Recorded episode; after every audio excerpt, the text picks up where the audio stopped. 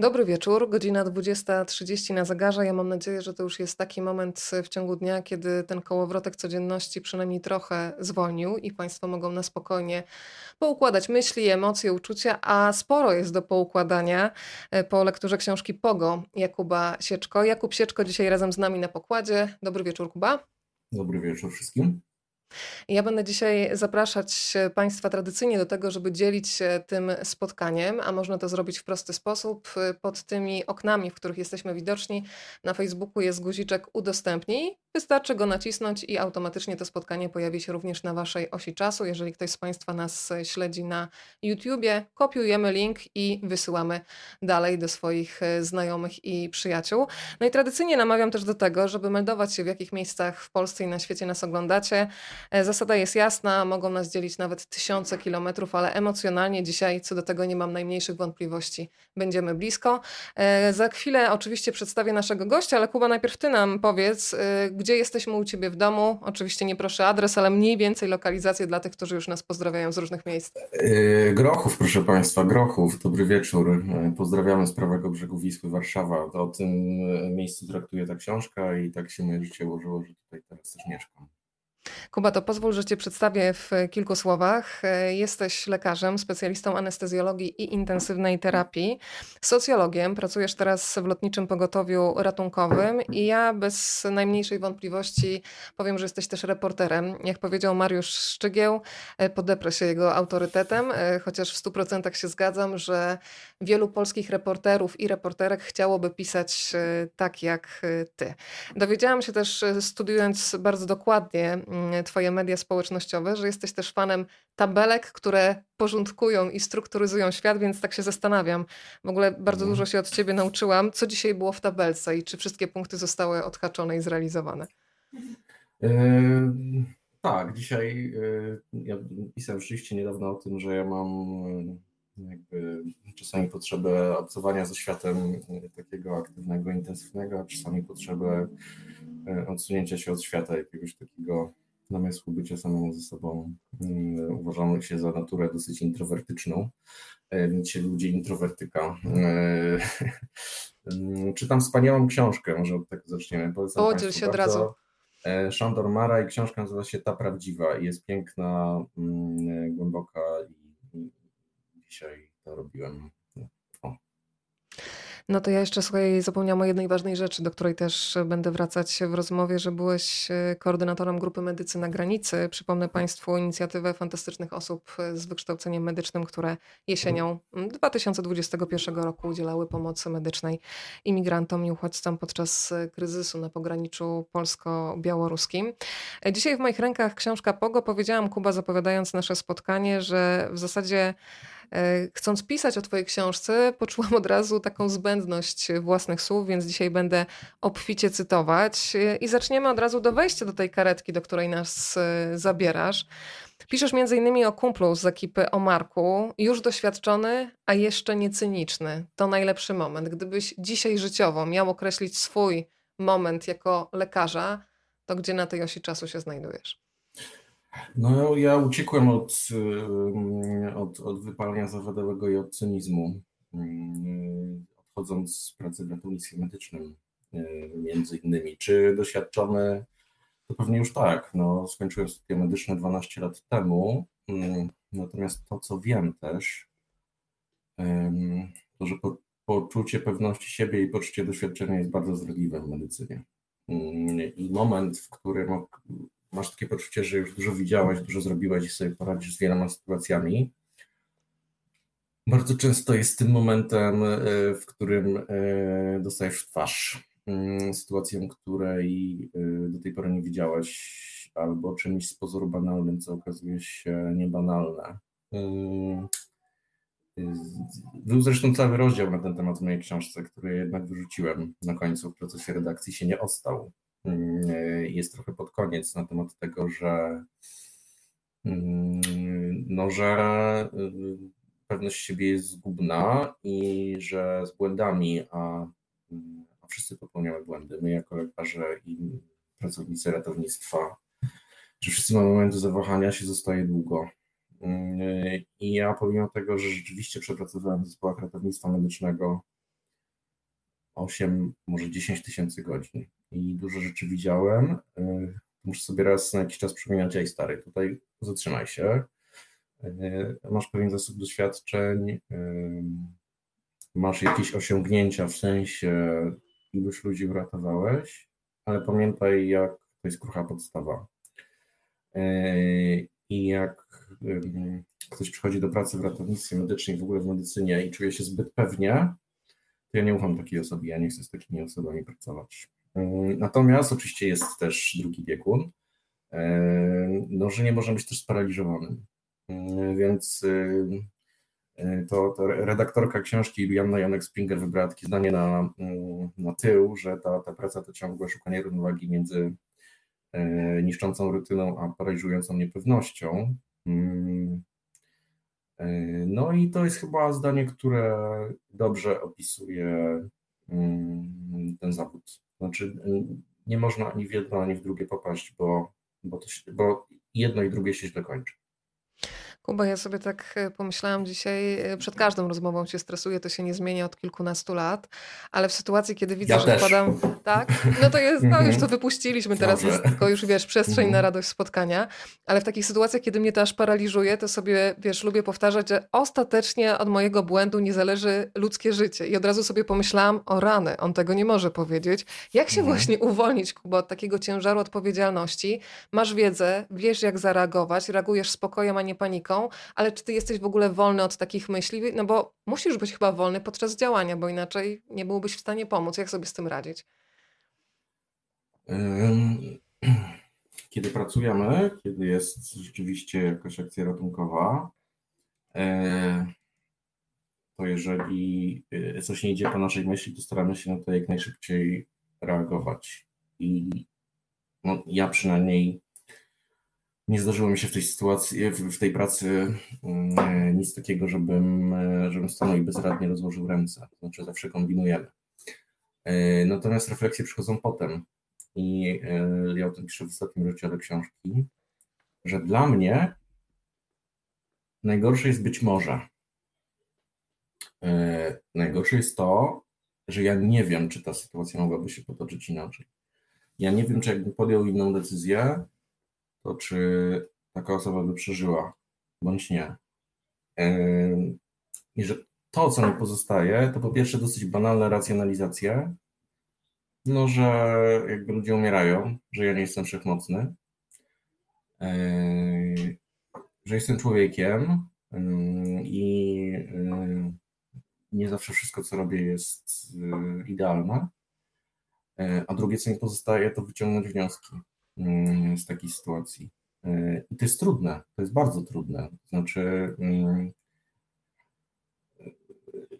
no, mam świadomość tego, jaką wagę ma mój zawód mm, i o co, o co gramy, tak naprawdę. E, natomiast no ja bardzo nie chciałem, żeby książka była w ogóle o systemie, tak, o systemie ochrony zdrowia, ale no to, to jakoś systematycznie wraca w, moich rozmowach na ten temat. E, no w Polsce mm, nie rozmawia się o błędach medycznych czy o niedociągnięciach, o rzeczy, które, które mogłyby się wydarzyć lepiej. I wszystkim się wydaje, że lekarze i pracownicy ochrony zdrowia nie popełniają błędów i nie mają momentów zawahań. Mm, to nie jest prawda. E, no ale nie jesteśmy chyba jako społeczeństwo jeszcze gotowi tego przyznać i, i, i dużo łatwiej jest skazać kogoś palcem i i zrobić z niego kozła ofiarnego, niż porozmawiać o tym, jak całość systemu wpływa na, e, no, na, na, na potencjalne błędy czy na potencjalne niedociągnięcia. Czytając właśnie Twoją książkę, Kuba, ja sobie zdałam sprawę z tego, że przecież jesteś takim samym śmiertelnikiem, jak my tutaj wszyscy, którzy z Tobą siedzimy. Nie masz jakiejś ukrytej, nie wiem, peleryny superbohatera. Jesteś oczywiście wyposażony w wiedzę i doświadczenie, no ale są sytuacje, w których jak każdy z nas jesteś y, bezradny. Mm, I jasne jest dla mnie, kiedy w tym mm, fragmencie piszesz o tym, twój wybór, wybór zawodu, kiedy piszesz, gdy widzę wypadek, nie chcę uciekać. Nigdy nie chciałem. Nie chciałem też stać z boku w tłumie gapiów i patrzeć na ludzkie nieszczęście, po cichu ciesząc się, że nie mnie ono spotkało. Od kiedy pamiętam, może od potrącenia kolegi przez samochód na szkolnej wycieczce, chciałem wpływać na tę popsutą rzeczywistość. Nie, nie walczyć ze śmiercią czy chorobą, są, bo są. Chyba zależało mi na tym, żeby nie być bezradnym. Chciałem robić porządek, czyli łapać za twarz ten chaos, który podczas źle prowadzonych akcji ratunkowych rozpełza się i udziela wszystkim wokół. Być spokojnym, spokojem profesjonalisty, który świadomy wyzwań jest do nich przygotowany.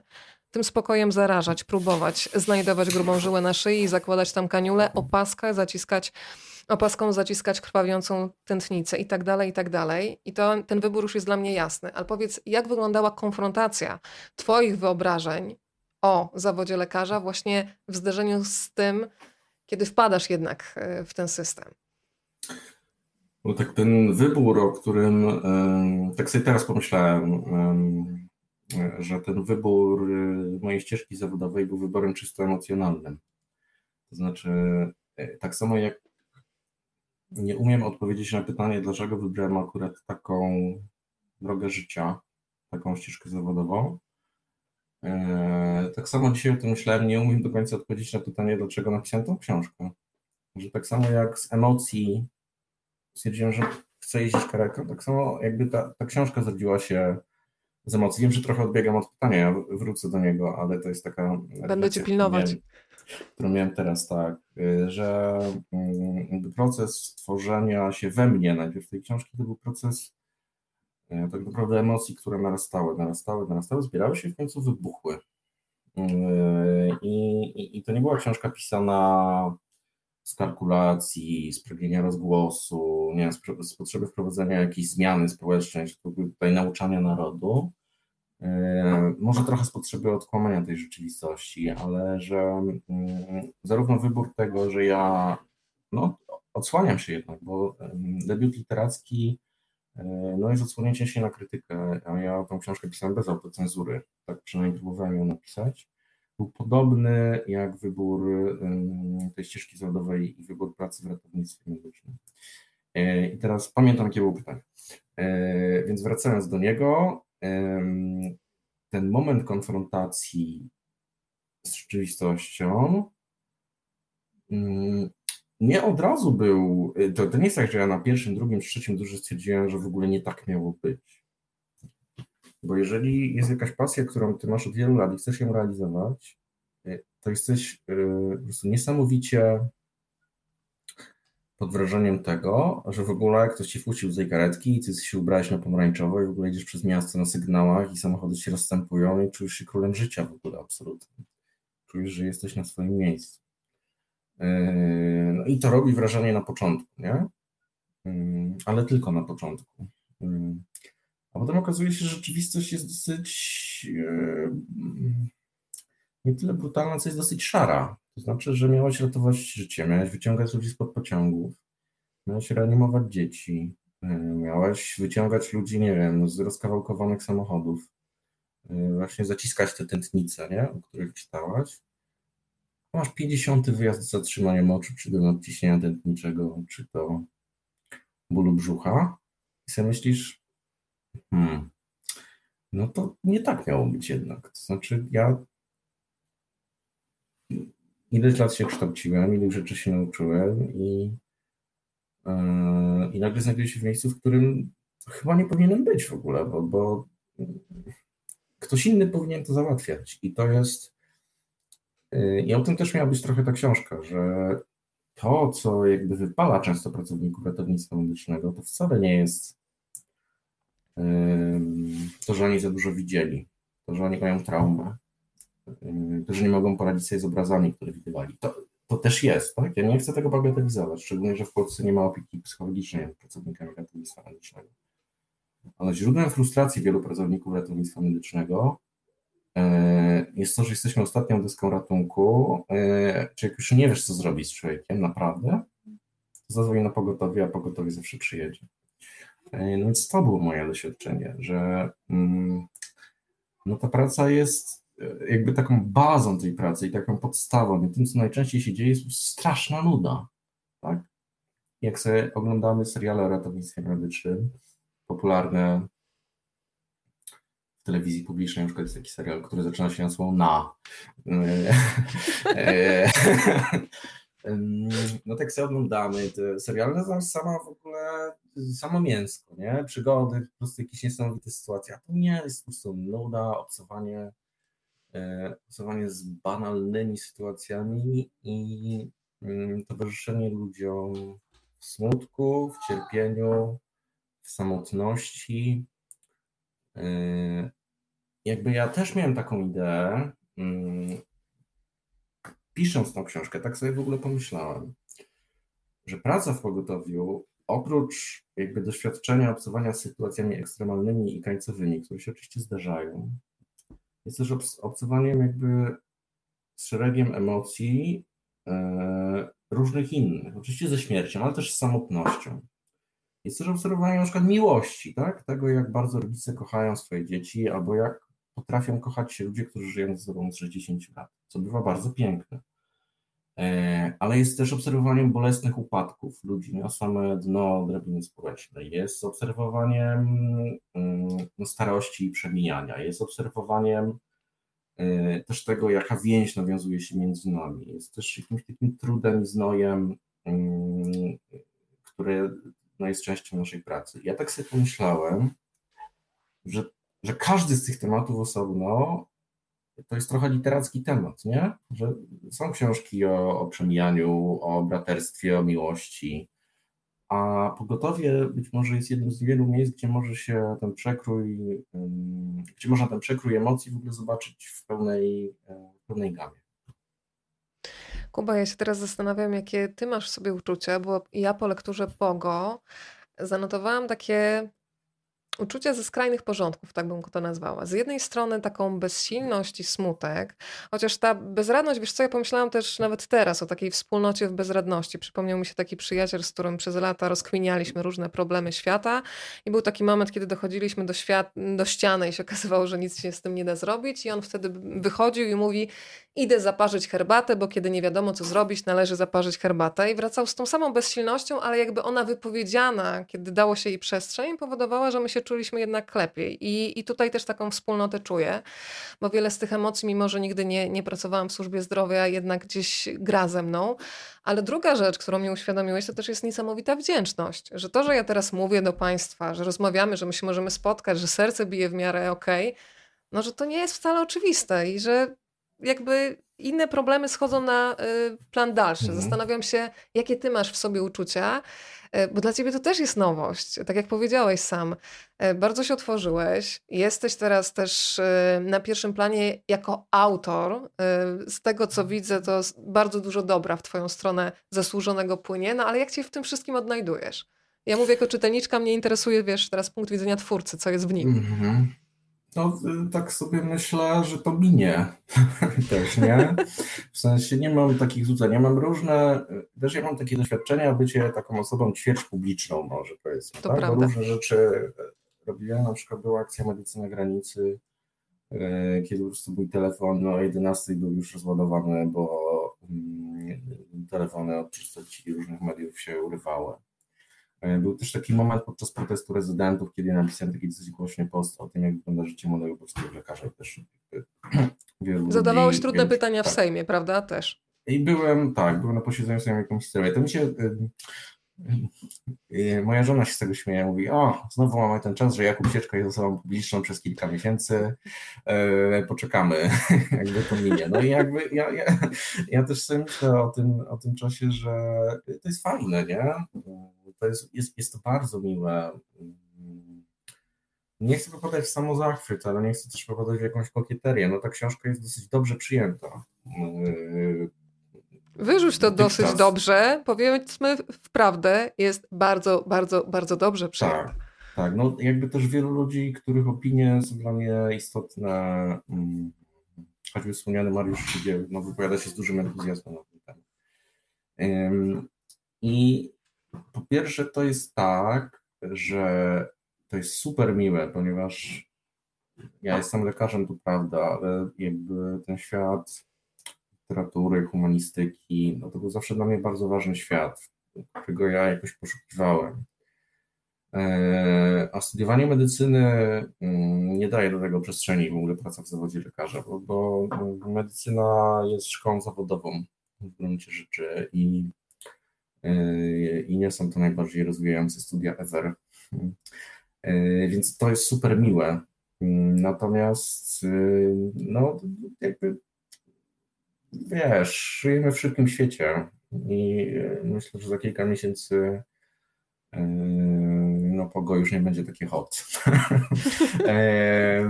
I, i okej, okay, to jest w porządku, to jest w porządku. Ja też, yy, mnie też to, ja powiem to uczciwie, mnie to wyczerpuje, mnie wyczerpują interakcje. Znaczy, jest, jeśli jest ich za dużo, to ja po prostu mam potrzebę się schować do bunkra i sobie w nim posiedzieć.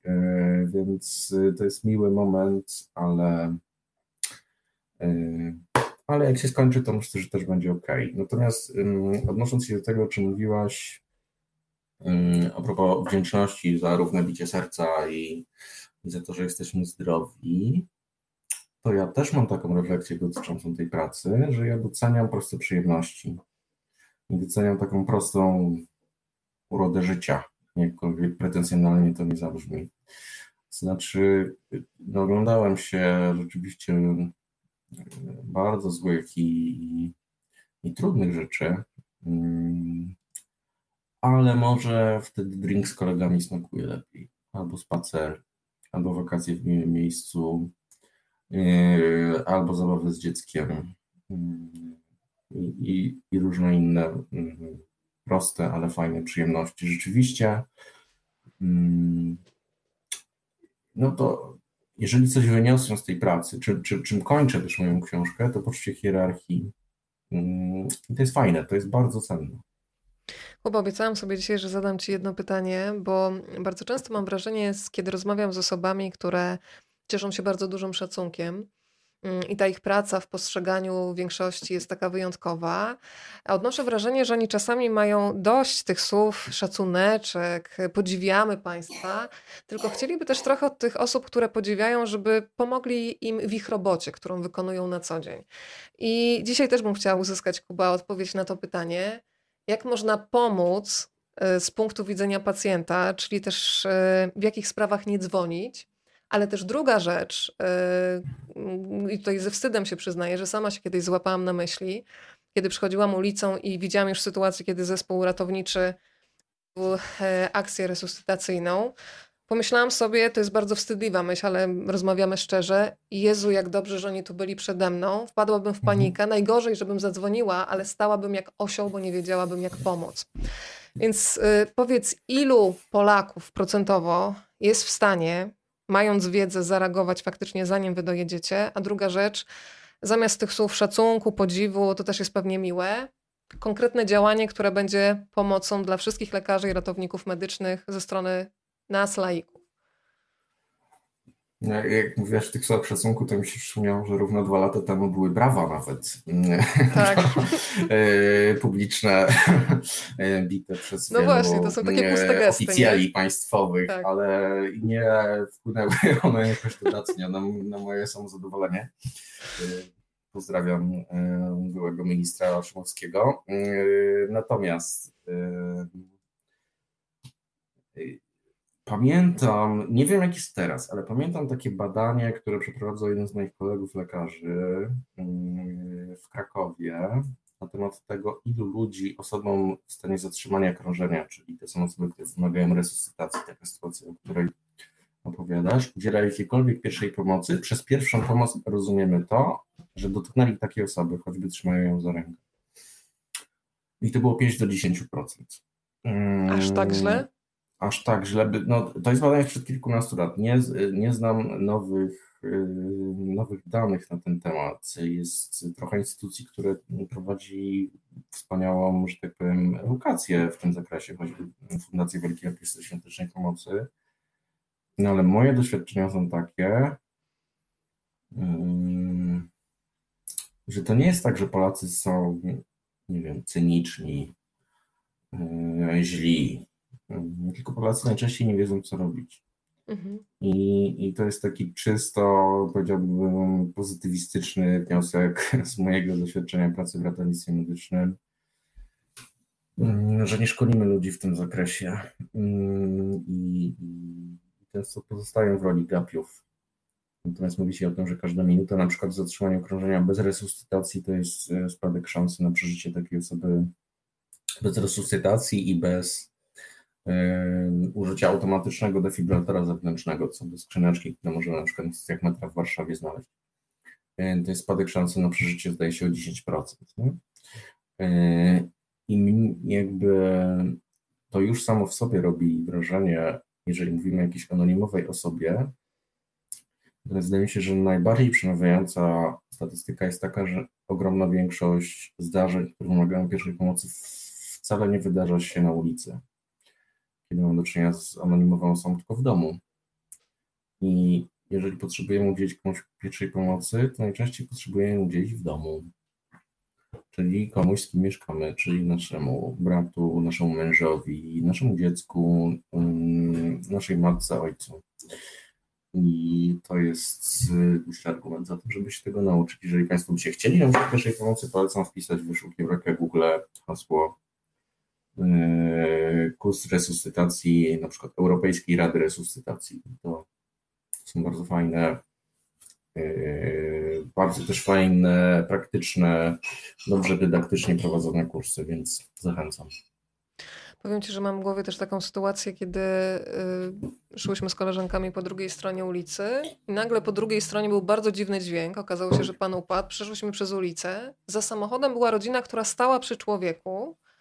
Podeszłyśmy, okazało się, że pan był pod wpływem, ale był też w trakcie ataku padaczkowego, więc jakby zabezpieczyłyśmy pozycję, zadzwoniłyśmy po pogotowie i stałyśmy tam razem z nim, trzymając go na tyle bezpiecznie, żeby podczas tego ataku jeszcze nic mocniejszego się nie stało. Natomiast w tym całym chaosie zobaczyłam, że ludzie, którzy stali najbliżej, kiedy zobaczyli, że tego ktoś podchodzi, w sekundę się po prostu zawinęli. Tam nie było żadnego, żadnej reakcji, ale też kiedy się ogląda materiały, słuchaj, filmowe z różnych wypadków takich samochodowych, to kiedyś to nawet na stoplatce w TVN nie mogłam uwierzyć, jest ogromny wypadek, kiedy samochód wjeżdża w człowieka na przejściu dla pieszych i osoba, która akurat wychodzi z za rogu z psem, widząc to od razu się chowa że my w ogóle uciekamy, to jest jakiś, wiesz, taki odruch wręcz paniki. Powiedziałeś świetną rzecz o wośpie. Ja byłam, pamiętam, zachwycona tymi, wiesz, maluchami, które, dla których to jest naturalne, tam nie ma strachu, bo od początku wiedzą, jak zareagować. Czy znasz w ogóle jakieś takie szkoły, gdzie właśnie jest pierwsza pomoc w ramach lekcji, zamiast jakiegoś patriotycznego wychowania i, i nacjonalistycznej narracji? No musiałam to z siebie wydusić, ale, ale przydałoby się chyba w szkołach. Nie byłoby najprościej? Nie bywam w szkołach dość często. Nie mam też numeru telefonu do ministra Przemysława Czarnka, żeby zadać mu to pytanie, ale jakoś bardzo nie potrzebuję też tego numeru. Nie wiem tego, niestety. No, myślę, że jest kilka mniej przydatnych, oględnie mówiąc, kompetencji życiowych niż pierwsza pomoc, których niekoniecznie może trzeba by było nauczyć.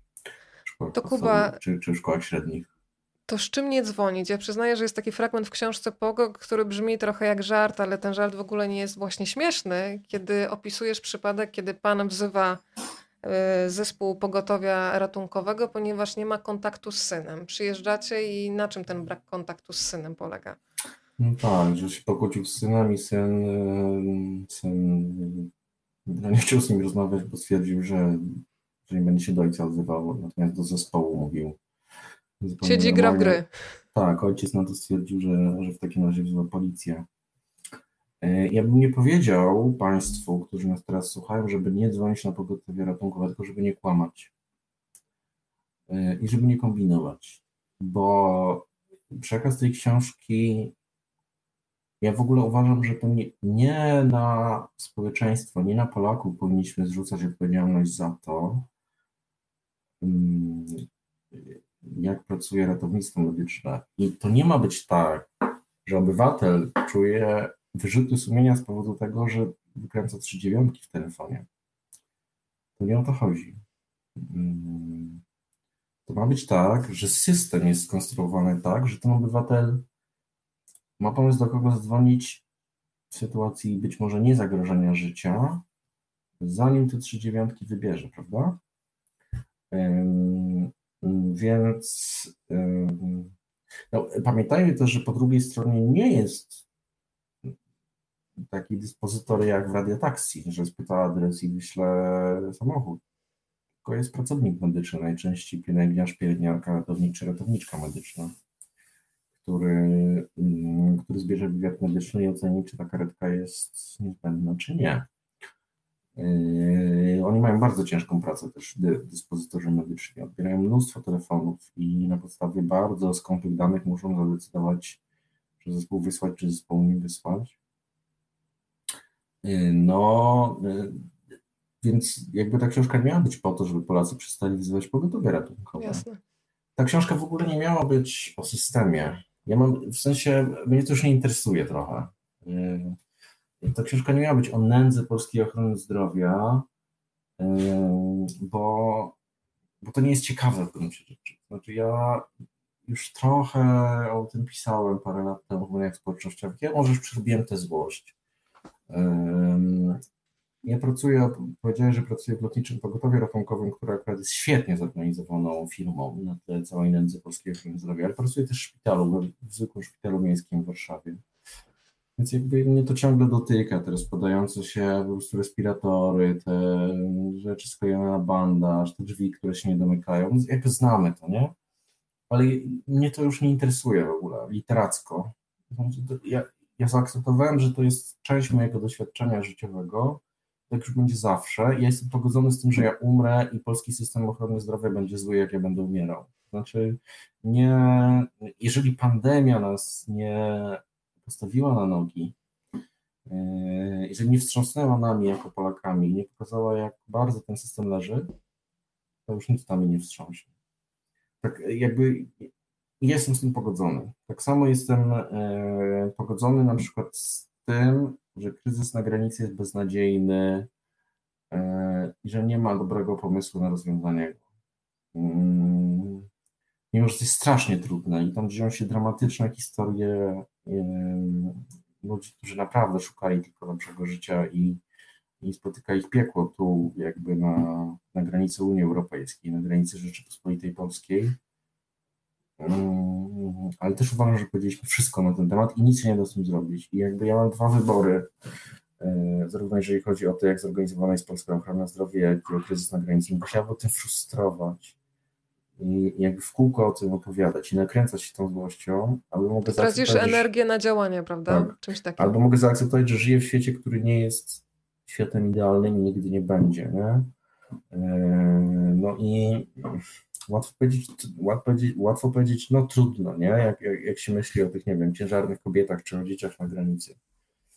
Mm, no ale coś coś z tym zrobiliśmy, jakoś próbowaliśmy temu zaradzić, a, e, a, a jeżeli stykamy się z siłami większymi od nas, takimi jak e, brak woli politycznej, żeby ten kryzys na przykład rozwiązać, czy no, brak jakiej, jakiegoś konsensusu, konsensusu wśród społeczeństwa, że to jest w ogóle ważne, żeby zająć się problemem ochrony zdrowia, to ja mogę tylko skapitulować i zgodzić się na świat którym ja żyję. Więc tak, ta, ta książka całkiem świadomie nie miała być o systemie. Ja miałem taką ambicję, może to jest ambicja nadmierna i trochę buńczuczna, ale żeby ona yy, była czytelna nie tylko w Warszawie, czy w Krakowie, czy w Lublinie, ale też w Madrycie, czy w Londynie, czy w Buenos Aires, czy w Nowym Jorku, czy nie wiem, w Tokio. Nie?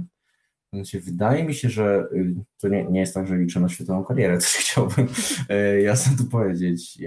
Natomiast chciałem trochę złapać takie doświadczenie pracy w ratownictwie medycznym doświadczenie kontaktu z sytuacjami trudnymi i krańcowymi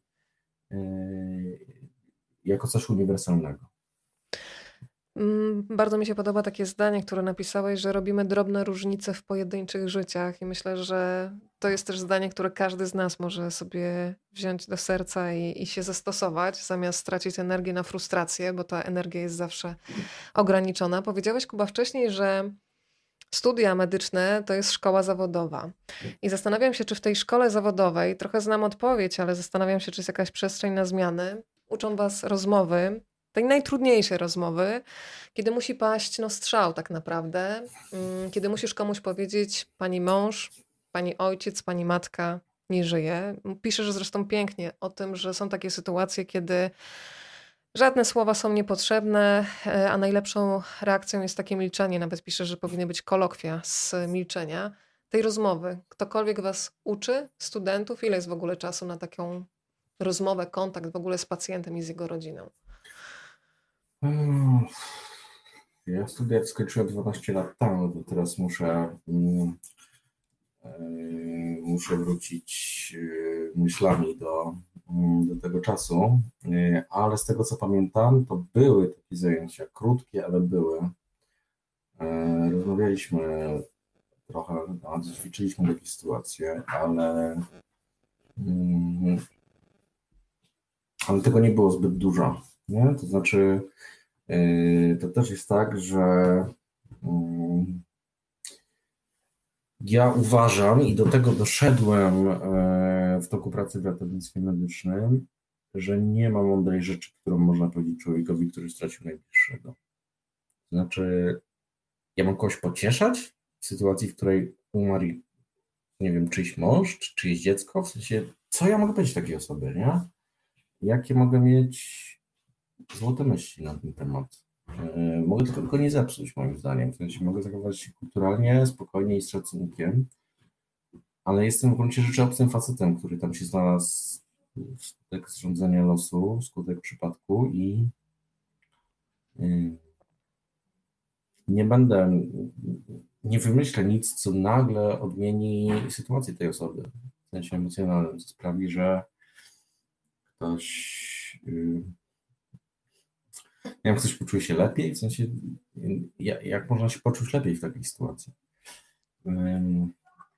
Więc do tego doszedłem w toku pracy zawodowej, próbując jakby też różnych metod, dosyć nieudolnie na początku, że, że trzeba milczeć.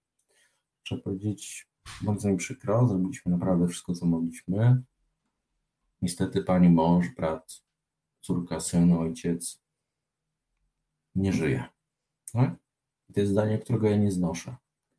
To jest zdanie, którego mm, nie po to kończyliśmy studia, żeby wypowiadać to zdanie, nie? W sensie chciałbym wypowiadać zdanie, wszystko będzie dobrze, a nigdy tego zdania nie wypowiadam, bo nigdy nie wiadomo, y, czy wszystko będzie dobrze. To jest zabronione zdanie w ogóle w medycynie i w ratownictwie medycznym.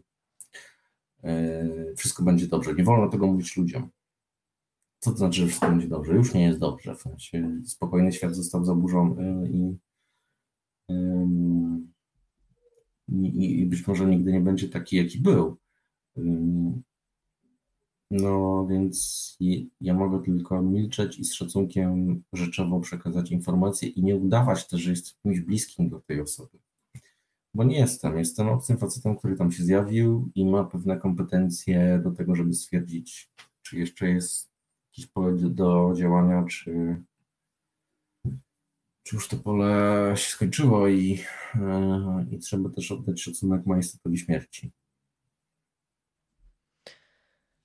Kuba, bardzo ważny komentarz od pani Ani. Mm, ja myślę, że to pokazuje, że właśnie to milczenie jest zapamiętane i ono bardzo dużo znaczy dla tych, którzy zostają. Doświadczyłam takiej sytuacji, zostało to powiedziane z szacunkiem, spokojnie, dobrze i jestem za to bardzo wdzięczna.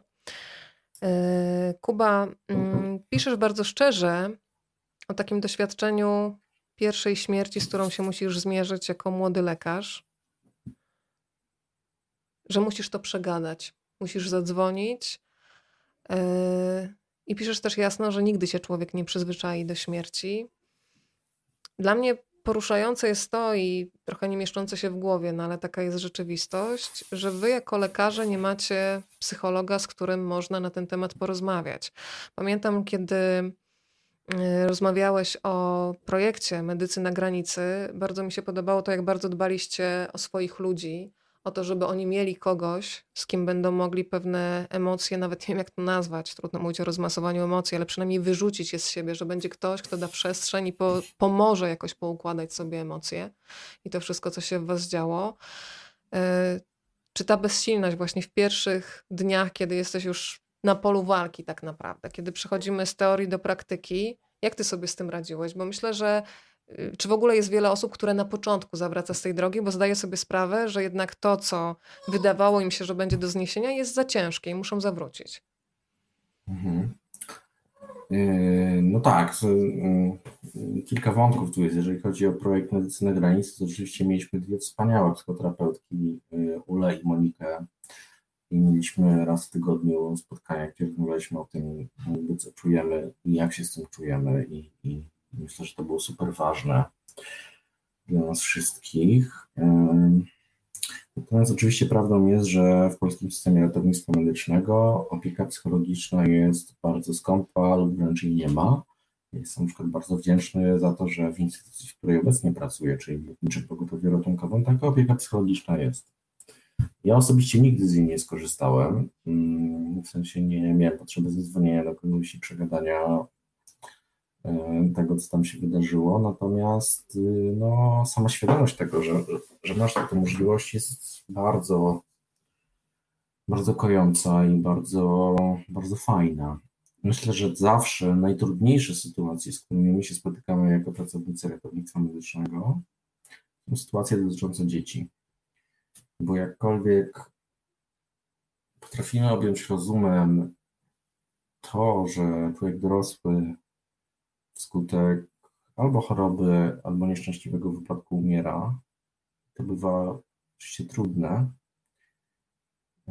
To wytłumaczyć sobie cierpienie i śmierć dziecka jest mm, no mm, w sensie nie, nie, nie da się tego racjonalnie zrobić. Świat się zepsuł. No świat się zepsuł, tak. Tak, y, tak kończy rozdział ten temat. Ja zresztą hmm, ja bardzo długo się zastanawiałem, czy umieścić ten rozdział w tej książce w ogóle o, o wszelkich sytuacjach związanych z dziećmi, mm, bo y, pisanie o dzieciach, o cierpiących dzieciach, o umierających dzieciach, wydaje mi się, że to jest taki obszar, w którym jest ogromne ryzyko nadużyć emocjonalnych. Tak? Y, mm, to jest tak delikatna sfera, szczególnie mam na myśli y, to, że potencjalnie czytelnikiem takiego tekstu może być ktoś, kto to przeżył, czego ja nie potrafię sobie wyobrazić. Mm, to jest tak delikatna sfera, że no, trzeba się bardzo ostrożnie poruszać po tym terenie, ale pomyślałem sobie z drugiej strony, że ja nie mogę o tym nie napisać, bo to jest część naszego doświadczenia, naszej pracy. Jeżeli ta książka ma być szczera, jeżeli ta książka ma być prawdą, no to prawda jest taka, obserwujemy cierpienie, bardzo ciężkie stany, niekiedy umieranie dzieci.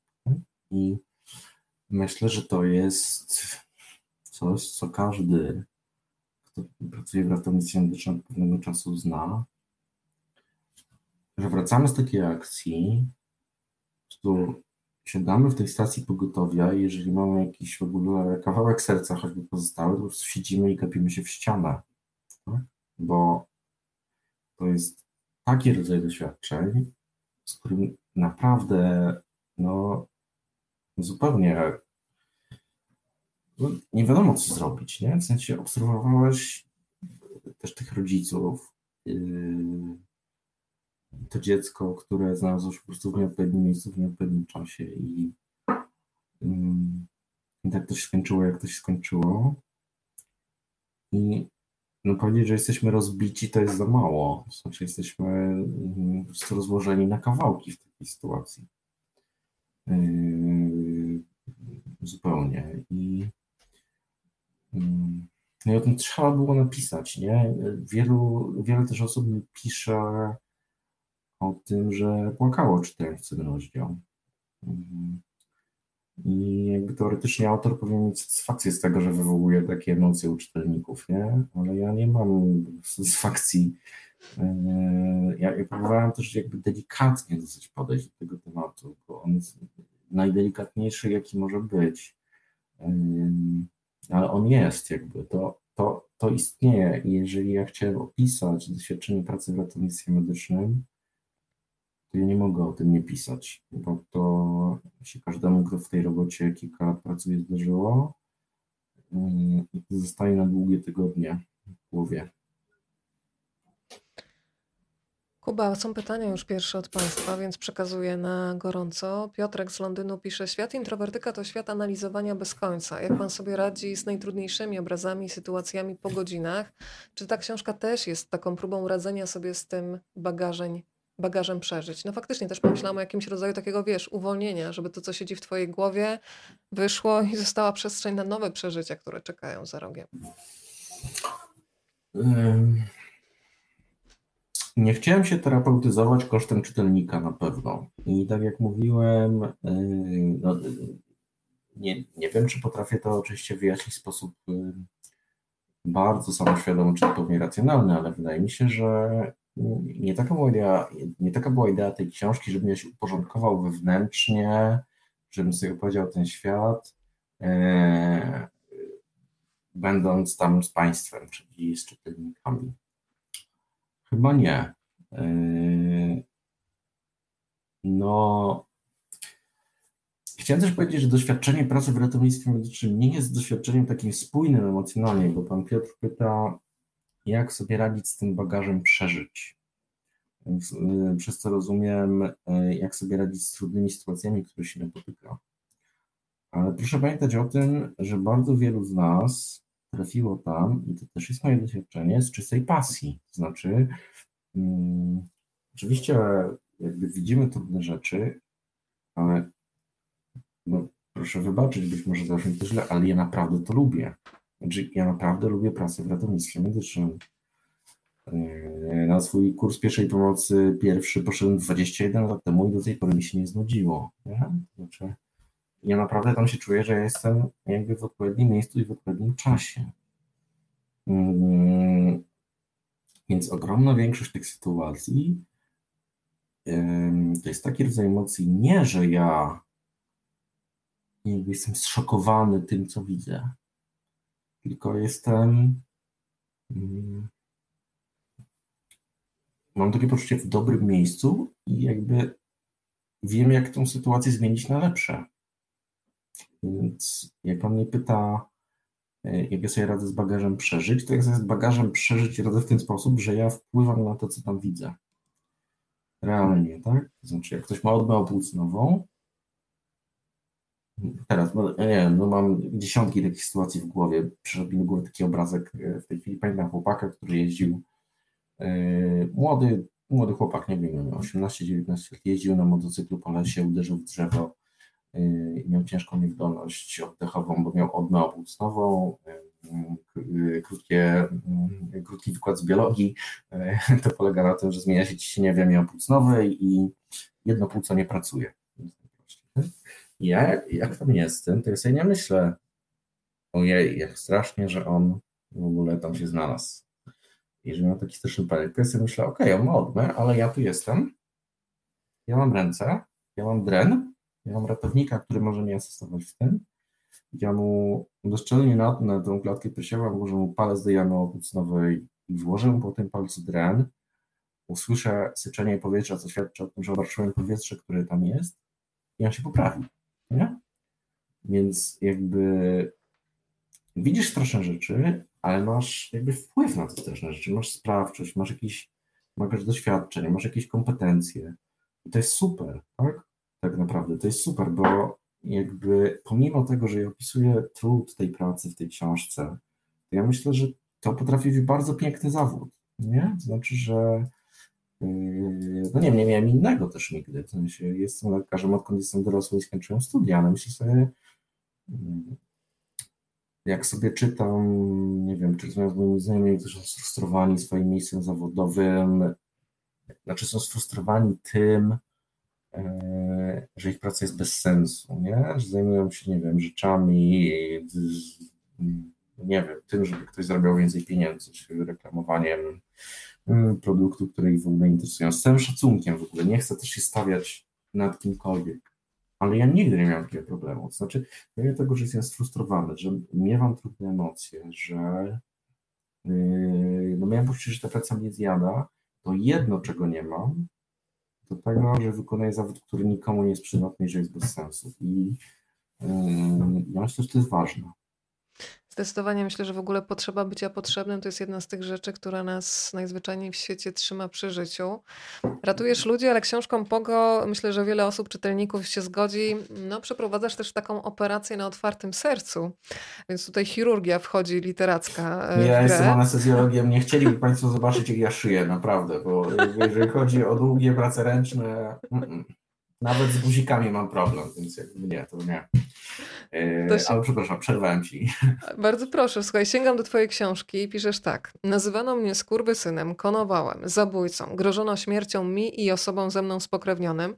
No ale jest na szczęście też drugi biegun, czyli dziękowano mi za uratowanie życia ojcu, siostrze, synowi i samemu sobie. Słuchaj, zawsze się właśnie zastanawiałam, ile z osób, które w takim, wiesz, nagłym trybie e, są ratowane, potem zadaje sobie tyle trudu, żeby dotrzeć dokładnie do tej ekipy, która podjechała pod jego dom, znalazła go na ulicy i kiedy już właśnie jest w szpitalu, jest bezpieczny, je kanapkę. To są zresztą, uwielbiam ten jeden z rozdziałów, kiedy piszesz, że taki SMS, który sprawił ci ogromną frajdę, brzmiał bardzo krótko, zjadł kanapkę, więc rozwiniesz o co chodziło. Mhm. Ale ilu z pacjentów zadaje sobie taki trud, żeby dotrzeć no i popatrzeć w oczy człowiekowi, który faktycznie dał mu nowe życie, no, drugą szansę. Eee, no tak, ten, ten, ten, ten od kanapki to pamiętam, to był 30-letni mężczyzna, który, mm, e, który miał rozerwaną tętnicę udową, e, pracował w tartaku i, i skrwawił się, no to było morze krwi, jak żeśmy tam się znaleźli i e, nie zaciskałem po prostu pięścią tą tętnicę. takie doświadczenie i, i doszło u niego do zatrzymania krążenia, trafił na szpitalny oddział ratunkowy, potem leżał na intensywnej terapii, no ale yy, na oddziale intensywnej terapii, ale, ale w końcu no w końcu był w lepszym stanie mógł zjeść kanapkę, nie? Yy, no i jakby to, ta historia zaczyna się przyciskaniem pięścią w ogóle czyjejś tętnicy, yy, a kończy się, a kończy się zjedzeniem kanapki. I to jest fajna historia. E, natomiast jeżeli mnie pytasz o to, ilu ludzi zadaje sobie taki trud, żeby nam znaleźć i podziękować, mm, to niewielu, ale to jest ok. Znaczy, mi się wydaje, że satysfakcja z dobrej roboty, z dobrze przeprowadzonej akcji ratunkowej mi naprawdę wystarcza. Ja nie mam potrzeby tego, żeby ktoś mnie znajdował i mnie to też o tym piszę w książce. No, przyszedł kiedyś facet mnie pocałował w rękę, nie? I co ja mam z tym zrobić? Poczułeś się jak arcybiskup. Poczułem się jak Sławoj Leszek Guć, tak? E, no. E, I przychodzi co rok, nie? Teraz już wow. E, w sensie tak. I, i, i, dziękuję i przynosi dużo słodyczy zawsze. Nie odmawiasz. Nie, nie, nie, nie zjadam tego wszystkiego, nie jestem jakiś wielki, ale to bardzo miłe to jest super, ale jakby ja tego nie oczekuję. To znaczy, ja mam pewne kompetencje i ja mam obowiązek jakby się mm, wywiązywać z moich zadań zawodowych. I to tyle. Y, natomiast satysfakcja z pomocy komuś y, i jakby z uratowania życia w stanie czystym, co jest rzadkie w gruncie rzeczy, jest jakby mi, mi, mi wystarczy. Ja nie potrzebuję być być całowany po rękach. No w gruncie rzeczy, ja mówiłem o tym, że medycyna to jest taka szkoła zawodowa i jakkolwiek materia, z którą się zmagamy, jest materią bardzo poważną, to na koniec chodzi o to, żebyś się ogarnął w tej sytuacji, żebyś wiedział, co zrobić. I jak zanosimy zegarek do zegarmistrza, czy buty do szewca i on nam je dobrze zrobi, to w ogóle nie klękamy przed nim mu nie dziękujemy, nie? Yy, I, i, i ja nie jestem super bohaterem. Ja posiadam jakiś zasób wiedzy, który przez dziesiątki czy setki lat rozwoju medycyny został wypracowany i ja jakby to realizuję. Ale to nie jest coś niebywale nadzwyczajnego. Kuba, w którym momencie, jak piszesz, włącza się w Was tryb szarmant komplemenciarz? No bo to jednak jest miłe, co? Pamiętasz ten fragment? E, ja tak, czytałem tą książkę. 28 e, razy. razy, jak napisałeś. Tak, tak. tak. Mhm. Mhm.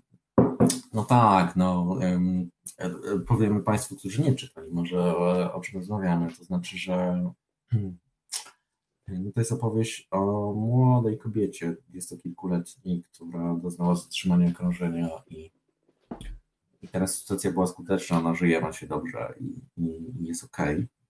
W ogóle bardzo się cieszę, że tyle pozytywnych jakby tu emocji mamy w tej rozmowie. No, to super. No i e, świat pracy w ratownictwie medycznym e, jest też światem bardzo męskim, tak? Czyli ja to jakby chciałem to tutaj bardzo wyraźnie zaznaczyć. Kobiety pracują w ratownictwie medycznym, świetnie sobie radzą i nie widzę żadnego powodu, dla którego miałyby nie pracować. Natomiast statystycznie jest ich dużo mniej niż jest mężczyzn.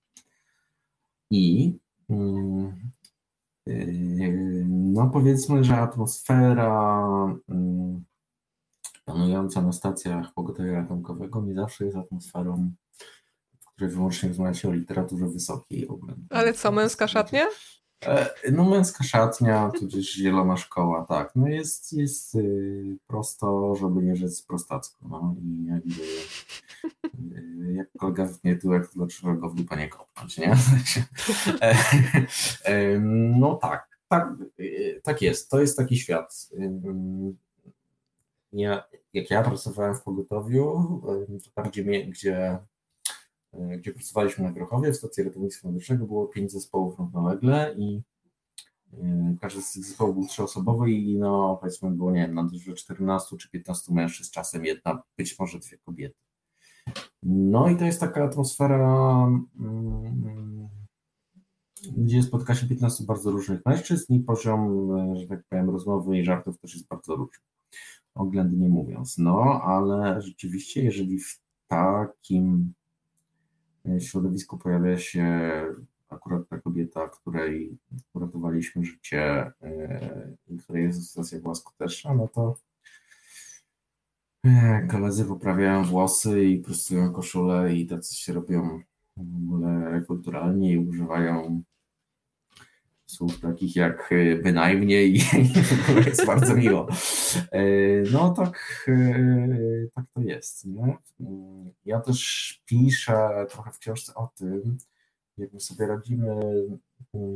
Znaczy jest taki fragment o tym, że te imprezy po godzinach pracowników ratownictwa są bardzo takie mocne i intensywne. Nie? I też e, te konfrontacje, mm, czy te spotkania z, z kobietami różnymi, które się spotyka podczas tych imprez też są, e, no też są takim doświadczeniem jakby obcowania z trochę innym światem, znaczy nie ze światem umierania, śmierci, bólu, cierpienia, no tylko tak też chyba jest, nie? że taką szczepionką na przemijanie, na odchodzenie, na ból i na trud no też są tego typu relacje damsko-męskie czy tam inne i to e, no to bywa myślę bardzo bardzo ciekawe i bardzo ciekawie się na to patrzy.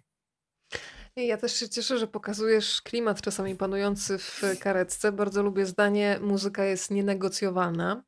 Mm. No to zabierz nas do tej karetki, tym bardziej, że sobie pojawiło się tutaj pytanie, mm, od y, Ani. Co myślą ratownicy, kiedy jadą na sygnale karetką? O tym, by dojechać w miarę sprawnie, czy o zgłoszeniu, w jakim jest stanie pacjent, czy może ekipa rozmawia na zupełnie inne, luźne tematy, więc ta negocjowalna muzyka, nie jesteś fanem disco polo, ale podobno dużo słuchasz w trasie, no. Dużo słucham disco polo? No, nie jesteś fanem, ale, ale musisz słuchać, bo jest nienegocjowalna. A, a nie jest nienegocjowalna, tak. E, no, mm, to zależy, nie? To znaczy, to jest tak. Mm,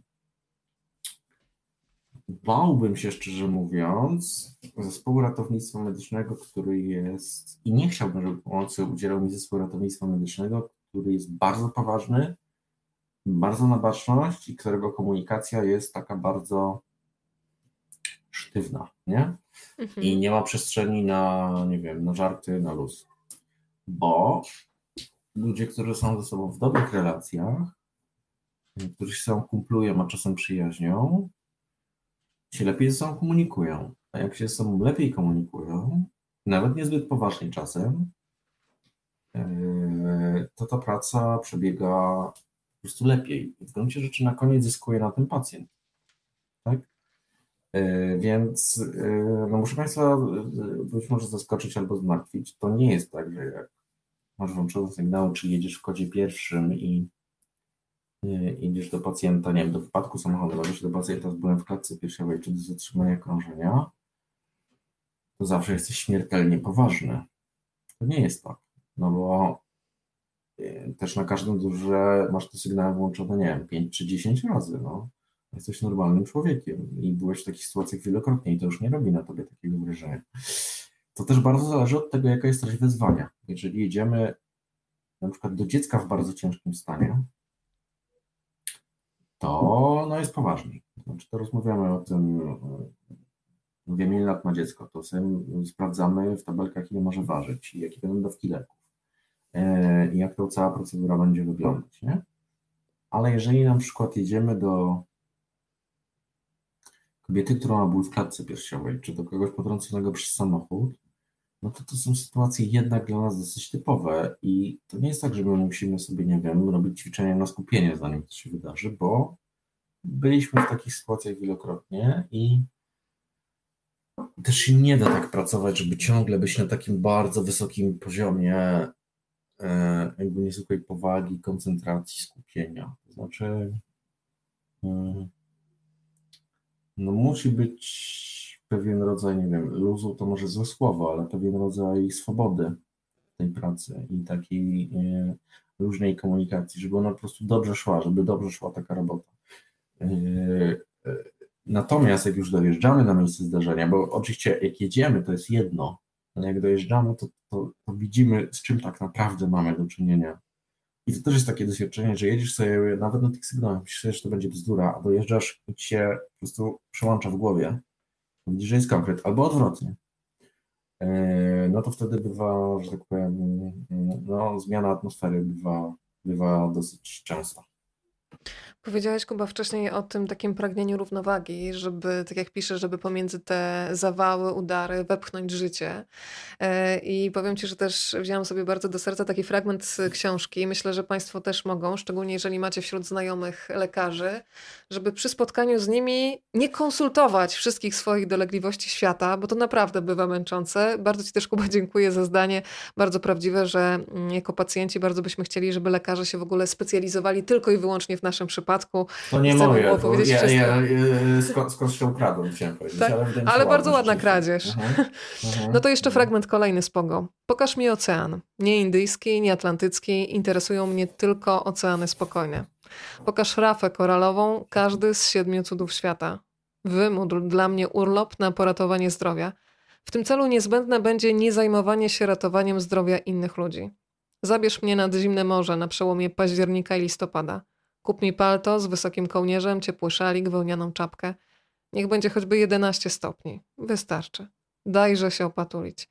Daj posiedzieć na brzegu i wgapiać się w spokojne fale. Daj zjeść rybkę z cytrynką. Do rybki niech będzie parząca w usta herbatka, a w ogóle tylko potrawy i napoje, których nazwy da się zdrabniać. I jeszcze jeden fragment, który uwielbiam. I zadzwoń do mnie nie po receptę, nie po skierowanie do endokrynologa, nie żeby spytać, co może oznaczać czerwona plama na policzku, wszystko i nic, po prostu zadzwoń.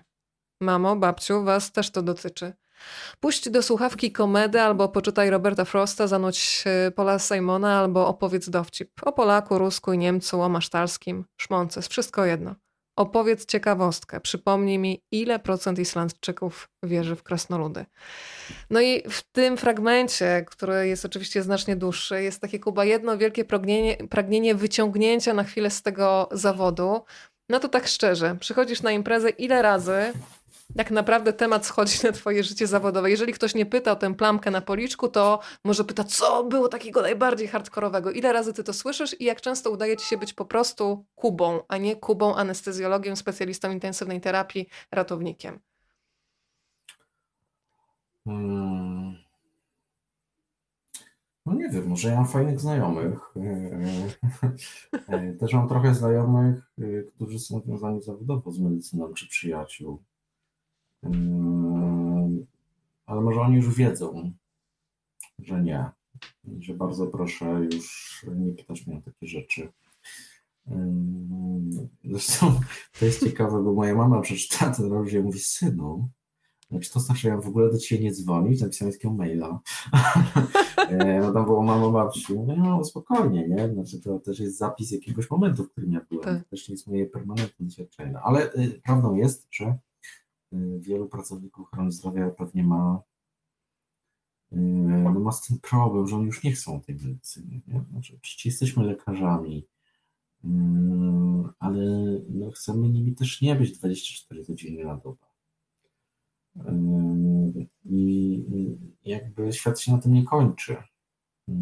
I, i też to ratownictwo to nie jest cała prawda o świecie. W sensie ci umierający ludzie i te kryzysy i te problemy. No jakby też trzeba tego pilnować bardzo pracując w ratownictwie medycznym, żeby sobie przypominać o tym, że no to nie jest y, jakby wszystko i że to nas może y, jakby permanentne obcowanie z, z trudnymi sytuacjami, czy z ludzkim bólem, czy z ludzkim nieszczęściem może nas spaczyć tak naprawdę. No.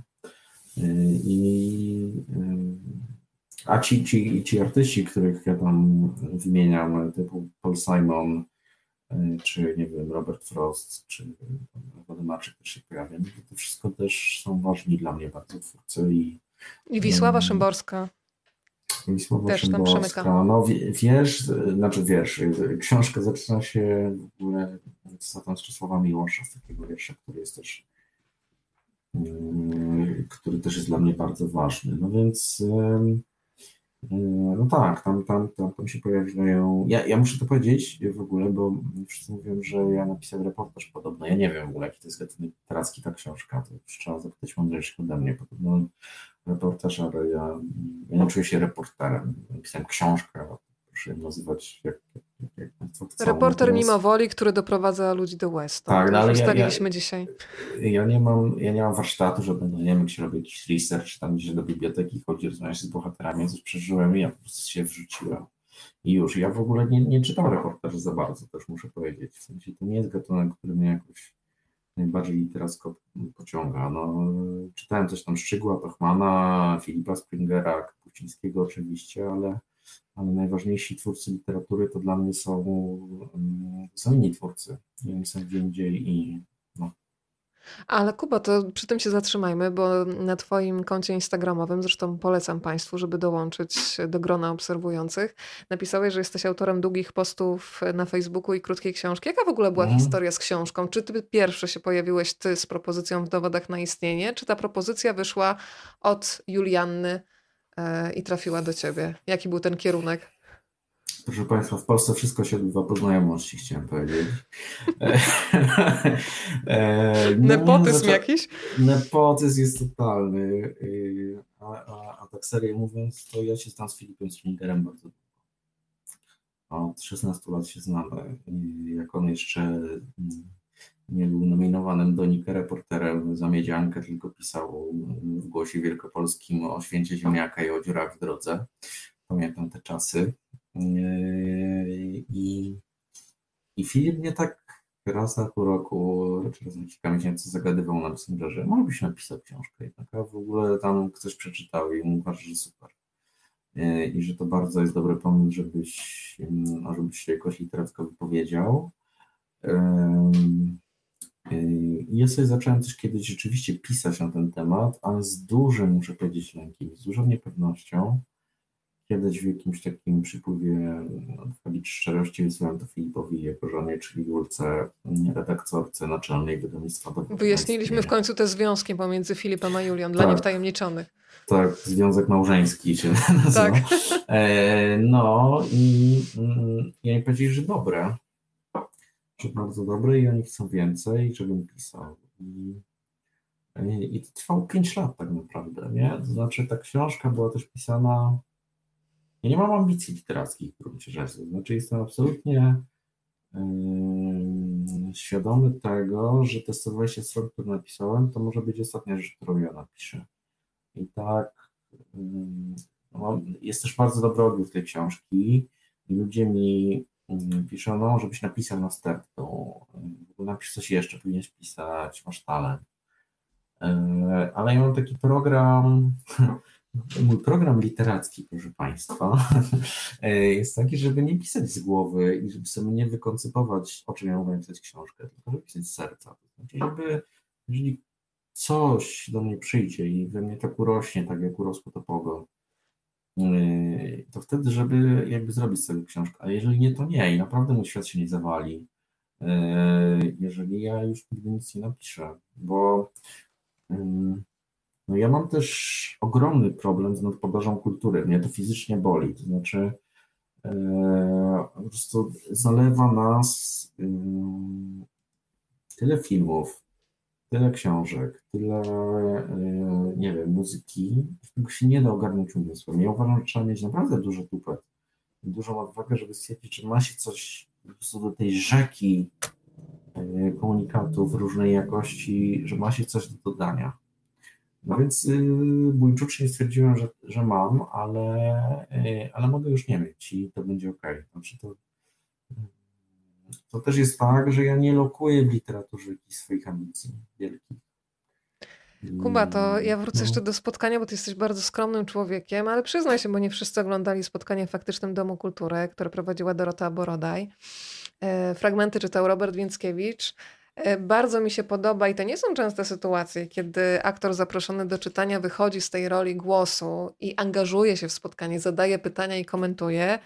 No, to są chyba takie słowa, które ci zostały w sercu, więc jeżeli mógłbyś się tutaj podzielić z teraz słuchającymi, oglądającymi, e, co ci zrobiły te słowa od Roberta, to, to co byś powiedział? E, no, ja zrozumiałem, dlaczego to jest wielki aktor, bo ja uważam, że Robert Wieckiewicz jest wielkim aktorem. To znaczy, że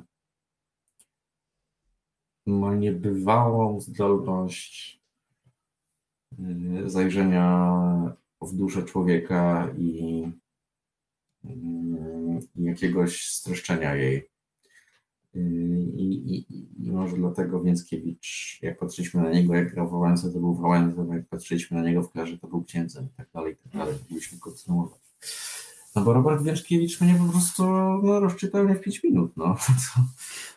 Jak najlepszy, nie wiem kto, szaman, psychoterapeuta. No, powiedział o tym, że on widzi w tej książce, że jakby no nie jest lekarz i on jest taki um, ustrukturyzowany i racjonalny, ale że spod tego lekarza przebija się pisarz rzeczywiście. Człowiek, który ma potrzebę jakby opowiedzenia historii i że mnie to samo bycie lekarzem nie wystarcza. I to jest prawda. I on to super szybko odkrył, super szybko odkrył. To było szalenie miłe e, e, usłyszeć coś takiego e, z tak, tak, tak ważnego dla mnie po prostu artysty. No, tak samo jak było dla mnie bardzo ważne przeczytać to, co Szczygieł napisał w mojej książce. Że, że jest w szoku i że uważa, że to jest poziom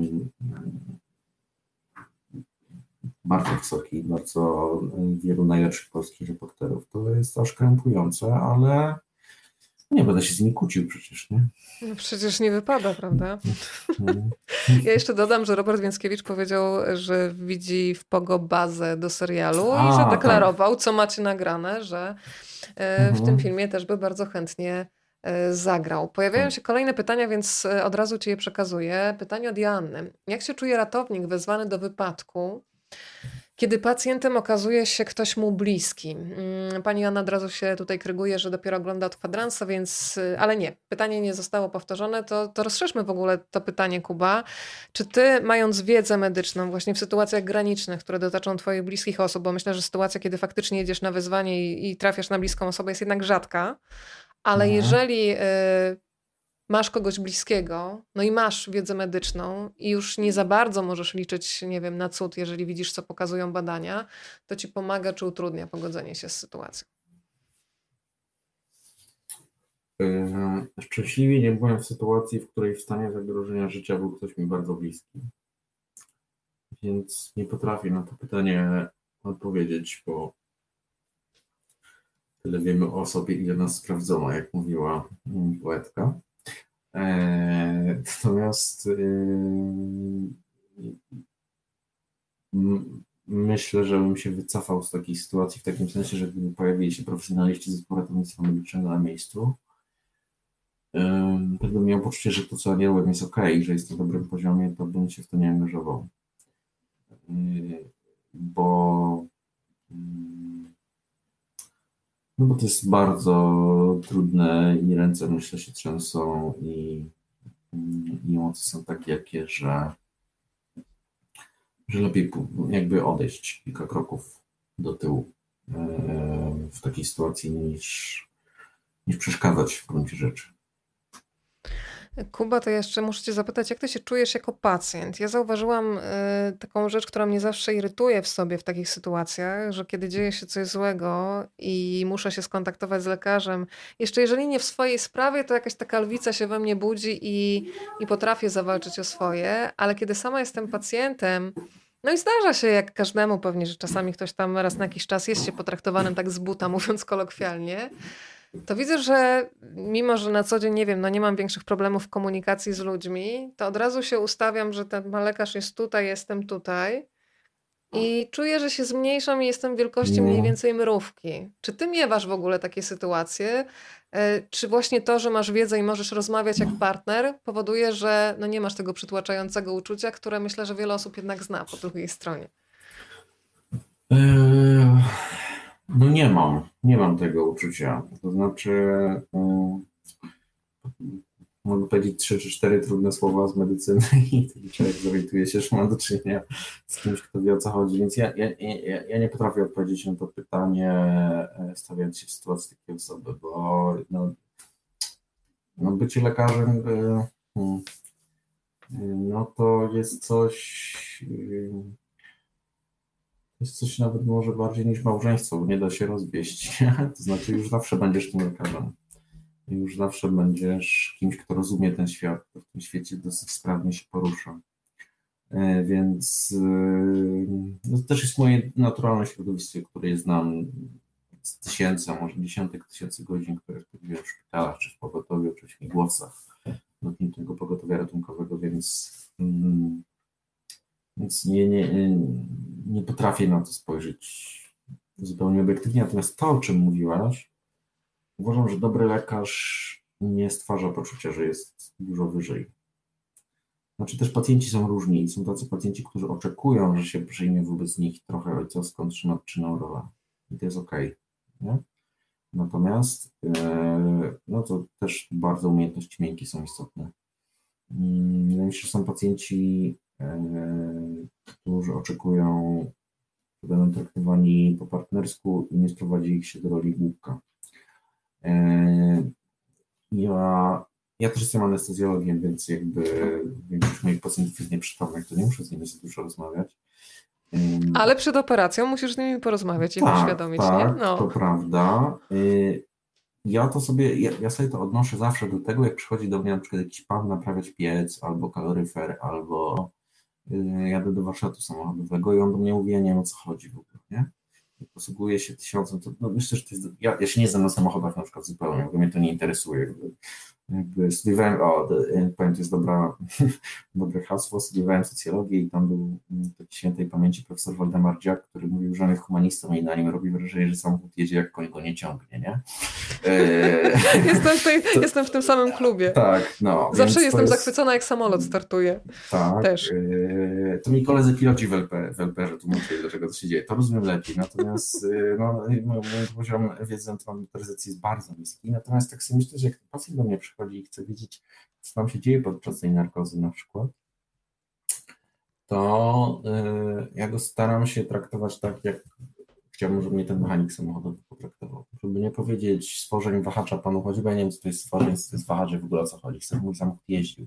Ja też temu takiemu człowiekowi mam nie powiedzieć, że jakby mm, dostanie do indukcji znieczulenia, nie wiem, propofol, izotrakurium, fentanyl, a potem E, kondukcja znieczulenia będzie przy udziale sebufluranu, bo on w ogóle nie wie, o czym ja mówię, nie?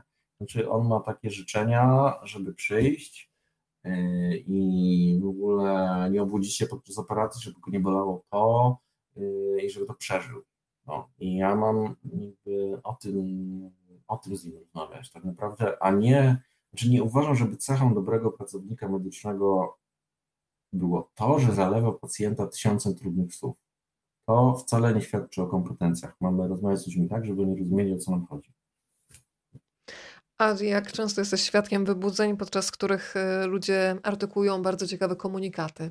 Bo tutaj też jest, y, myślę, że Hmm. bardzo duży zbiór, słuchaj, anegdot, y, jak bardzo szczerzy potrafią być pacjenci, jak różne wyznania przy tej okazji jeszcze w takim stanie półświadomości przekazywać światu. Masz coś takiego w pamięci? Eee, To tak, znaczy. hmm, tak, to prawda.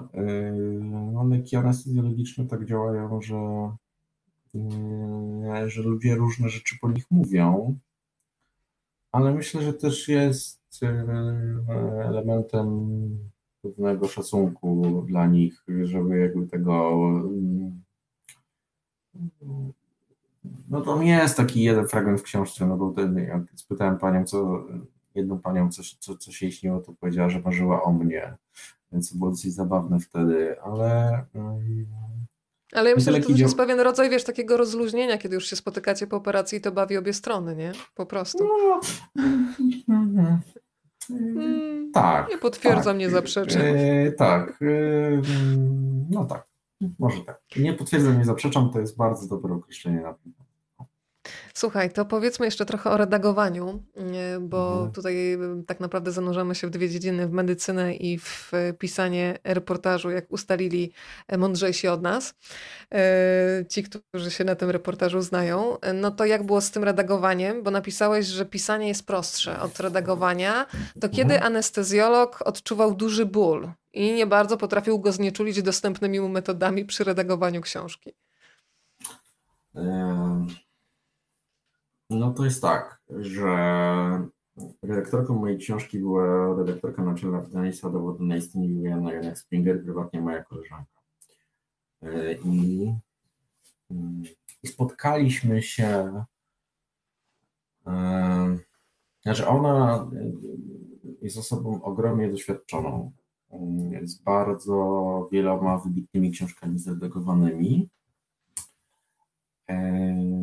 Natomiast ja miałem jakiś swój pomysł na tę książkę od samego początku. Znaczy, jak- sobie wymyśliłem gdzieś w połowie 2017 roku, jak ta książka miała wyglądać, muszę powiedzieć, że to, jak ona wyglądała 13 maja 2022, kiedy się ukazała, to jest mniej więcej komplementarne. Znaczy, tak jak sobie wymyśliłem tę książkę, tak ona mniej więcej wygląda.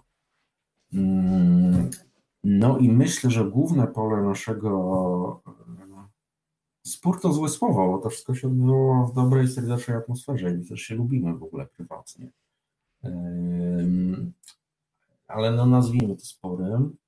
Było głównym polem tego sporu było to, że ja miałem taki pomysł, że nie chcę, żeby w tej książce wszystko było podporządkowane temu, żeby ta historia wyłącznie wartko płynęła i chcę świadomie jakby czasem znaczy dla mnie literatura i w ogóle pisanie bywa też formą zabawy, zabawy językiem. I ja jak y, stworzę ładne zdanie, to mnie to cieszy, jakby nie wiem, mm, namalował ładny obraz, nie umiem malować, czy skomponował ładną melodię. Uważam, że y, literatura piękna może być piękna, znaczy tak? I, mm, y, i, i czasem wydaje mi się całkiem świadomie w kilku miejscach przedłużyłem w tej książce formę ponad treść. Tak? Że zdecydowałem się na takie rzeczy, które wydawały mi się tak, no, że, że są ok, że są naprawdę ładne i że tworzą jakąś taką spójną całość, że nie chcę ich skracać, nie chcę ich wyrzucać. Yy, Natomiast były też obszary, na które nie znalazłem języka zupełnie i mimo, że pierwotnie miało być w książce, na przykład miał być cały duży rozdział o biedzie i o tym, jak pracując w ratownictwie medycznym stykamy się z biedą i, yy, i jakie to jest, to ja nie znalazłem na to odpowiedniego języka i cały ten rozdział wyrzuciliśmy. Yy, No więc jakby ta książka jest kompromisem pomiędzy autorem a redaktorką też w dużej części, bo yy, no, yy, ja myślę, że to w też jest fajne. Jestem jej za to wdzięczny, że ona nigdy nie użyła argumentu pod tytułem ty jesteś debiutantem, a ja redagowałam szczegóła i w ogóle o czym będziemy rozmawiać ma być tak, tak i tak. Ona mi powiedziała, że jakby widać po mnie, że jestem lekarzem i lubię stawiać na swoim i, i że moje zdanie musi być najważniejsze. I tak jakby, no, ścieraliśmy się, ale tak dobrze się ścieraliśmy. Jestem jej jakby też wdzięczny, bo jest kilka momentów w tej książce, które gdzie ona jasno postawiła na swoim i to zrobił w tej książce dobrze. Na przykład początek drugiego rozdziału miał być zupełnie inny, jest taki, jak Jurka zaproponowała i myślę, że to zrobiło temu rozdziałowi dobrze.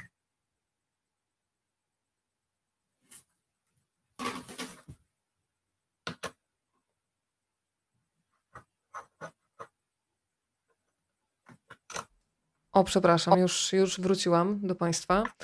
E, dostałam głos. E, wyciszyłam na chwilę, ponieważ przyjeżdżały karetki, chociaż w zasadzie przy okazji dzisiejszego, wiesz, e, pogo powinnam ten podkład zostawić, żeby wybrzmiał, ale jest taki przejmujący fragment dotyczący tego, co pogotowie potrafi zrobić właśnie w głowie i w sercu ludzi, którzy tam pracują. Piszesz, chyba już się do tego wszyscy niezdrowo przyzwyczailiśmy. Raz na jakiś czas jeden z naszych odpada. Najpierw bełkoczącym głosem o 5.30 informuje przez telefon, że nie będzie go na dyżurze. Problemy żołądkowe. Czasem dzwoni żona, która znalazła przy nim garść tabletek lub pustą strzykawkę z igłą. Nasi koledzy się staczają, a my, tak wobec tego bezradni, jak tylko można być bezradnym, rękami, nogami i zębami próbujący utrzymać się we własnej chwiejnej równowadze, patrzymy. Próbujemy nieudolnie pomóc, przegrywamy razem z nimi. Czasem nawet wyciągamy z wymiocin, szukamy detoksu, chwilowo otrzeźwionym, wpychamy do rąk karteczki z adresem terapeuty. A potem uświadomieni przez kogoś mądrego pozwalamy im sięgnąć dna. Mądrzy radzą bowiem, nie chcesz go pochować, daj mu upaść. W końcu odchodzą z roboty, albo ktoś z ciężkim sercem ich wyrzuca po kolejnym błękot, bełkotliwym przepraszam. I to jest, słuchaj, powiązane z pytaniem, które się właśnie pojawiło od pani Kasi. Adrenalina, kortyzol, co z relaksem, niektórzy idą w używki.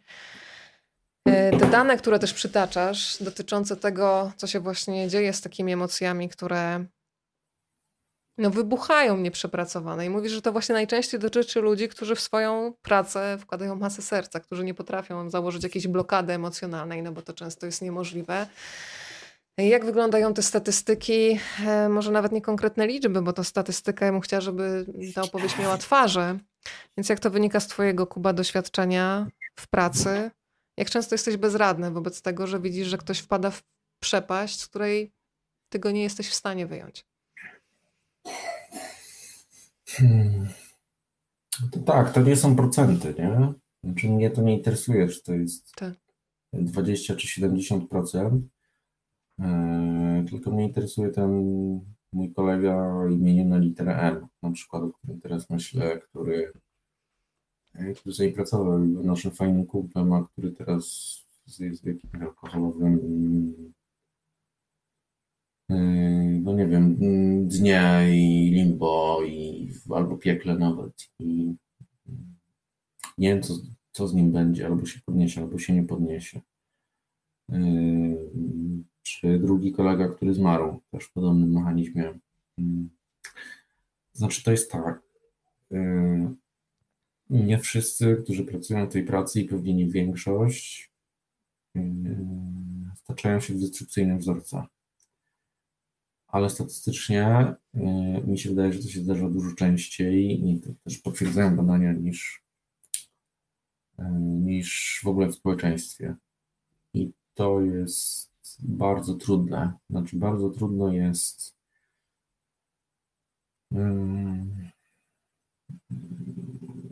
Jest myśleć o tym dobrym chłopaku, czy o tej dobrej dziewczynie, z którymi rzeczy razem robiliśmy, który, który teraz jakoś się suwa w jakąś przepaść, ale,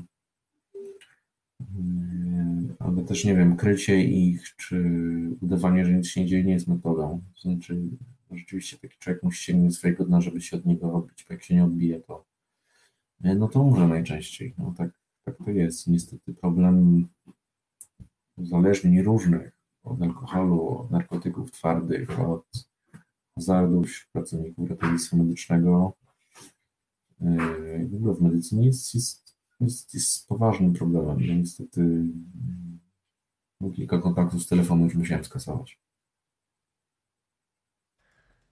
Kuba, to jeszcze na koniec y, ja mam ostatnie dwa pytania do ciebie. Jeżeli Państwo jeszcze mają, to proszę teraz z nimi wystartować. Wspomniałeś tego Miłosza, którego może zacytujmy, to jest y, Twój głos.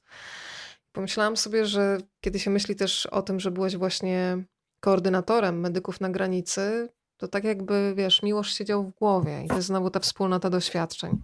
Przeklinaj śmierć. Niesprawiedliwie jest nam wyznaczona. Błagaj bogów, niech dadzą łatwe umieranie. Kim jesteś? Te trochę ambicji, porządliwości i marzeń nie zasługuje na karę przy długiej agonii. Nie wiem tylko, co możesz zrobić sam ze śmiercią innych, dzieci oblanych ogniem, kobiet rażonych śrutem, oślepłych żołnierzy, która trwa wiele dni, teraz tu, obok ciebie. Bezdomna twoja litość, nieme twoje słowo i boisz się wyroku za to, że nic nie mogłeś. I tak sobie pomyślałam, Kuba, że cały ten projekt, który zgromadził fantastycznych ludzi, to była trochę taka odpowiedź na bezradność i ucieczka przed tym wyrokiem, żeby pokazać, że to, co mogę, to zmienić pojedyncze życie, żeby nie załamać rąk wbrew wszystkiemu. Możesz wrócić do, do tych emocji wtedy i tej decyzji, czy ona była natychmiastowo, bo to, co mnie też zachwycało w tej inicjatywie, że wy bardzo konkretnie do tego podeszliście. Co możecie zrobić? Że działacie w granicach prawa, no bo przekraczanie tego prawa spowoduje, że nie będziecie mogli być skuteczni nawet w jakiejś namiastce pomocy, prawda? Więc Powiedz proszę, jak to wyglądało. E, myślę, że doświadczenie bezradności wobec tego, co się dzieje na pograniczu polsko-białoruskim, było doświadczeniem milionów Polaków. E, I wiemy też, jak przebiegały mniej więcej społecznie linie podziału, jeżeli chodzi o ocenę tego, co tam się dzieje, ale myślę, że duża część moich rodaków czuła, że to jest coś bardzo oburzającego i że tak nie powinno się traktować tych ludzi. E, a my mieliśmy, jakkolwiek to nie zabrzmi, my mieliśmy trochę uprzywilejowaną sytuację, bo my mogliśmy coś z tym zrobić. Znaczy, e, no wracając do tego Miłosza, jak on mówi, nie wiem tylko, co możesz zrobić sam ze śmiercią innych, to ja wiedziałem, co ja mogę z tym zrobić. Nie? E, dlatego, że napisała do mnie koleżanka z grupy Granica we wrześniu, i powiedział, że jest taki problem i że może jakby miał jakiś pomysł, co z tym zrobić i jakiś pomóc. I to nie jest tak, że ja sobie po prostu, nie wiem, oglądałem wiadomości czy fakty i sobie myślałem, och, cierpią tam ludzie, co, co ja mógłbym zrobić? Tylko ktoś do mnie zapukał i powiedział, stary, mam problem, mamy problem, wchodzisz czy nie wchodzisz? Jesteś bierny? Czy decydujesz się na to, żeby zaangażować się w to i dać coś z siebie. Hmm. Więc ja nie uważam, że jakby to, że ten projekt powstał, było wynikiem jakiegoś naszego głębokiego altruizmu, tylko było e, naszą niezgodą na bezradność e, i było też efektem tego, że ktoś nas o to poprosił. E, I to było trudne w sensie wysiłku fizycznego, emocjonalnego, który włożyliśmy w cały ten projekt.